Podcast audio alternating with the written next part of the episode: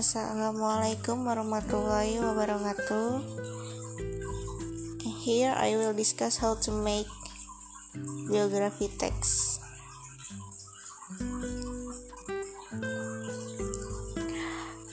Uh, a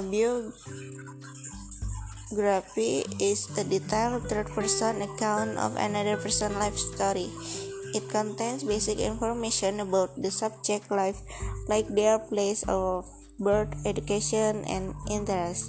The biography may also chronicle relationships with family members, as well as major events in the subject childhood and how does influence their upbringing.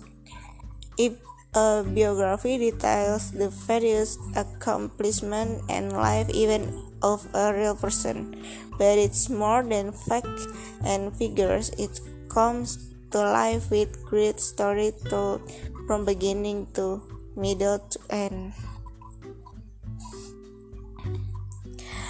Six tips and how to read a biography.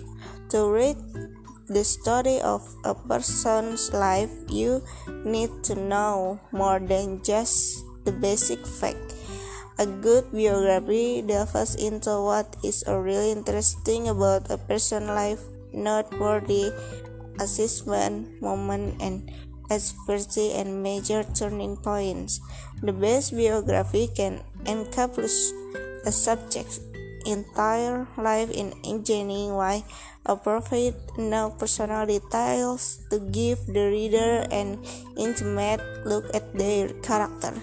If you're interested in writing a biography, the following steps can get you started. Get permission. Once you've chosen the subject of the biography, seek permission to write about their life. While in some cases it may not be necessary, like if the subject is a public figure or discreet, getting permission will make the research portion of your writing process much easier. If the subject is willing to be biography, they might provide significant details about their own story up front. Will help make your writing about them more compelling. Do your research regardless of how much you know about your subject an extensive amount of research is necessary to paint a thorough picture of this person.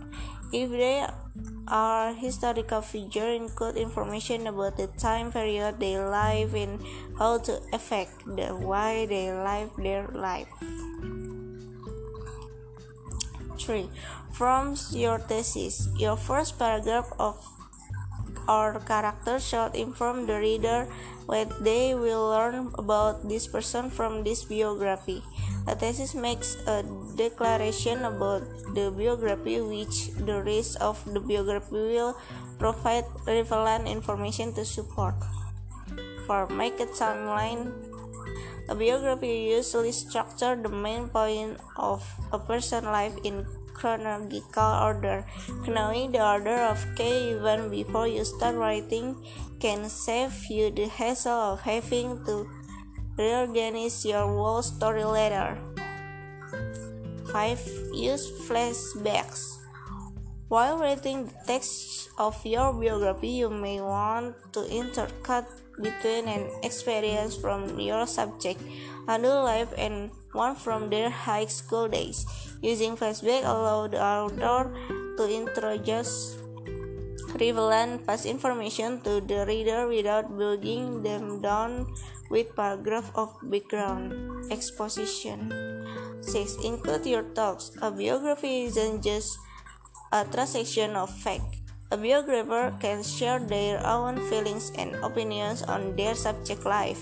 If the subject did something not noteworthy, the author might include why they feel that moment was significant, how it is affected by the time period, and what it meant for society as a whole. This will support why this person deserves to be written about and keep the audience reading from the first sentence to the last. Thank you. Wassalamualaikum warahmatullahi wabarakatuh.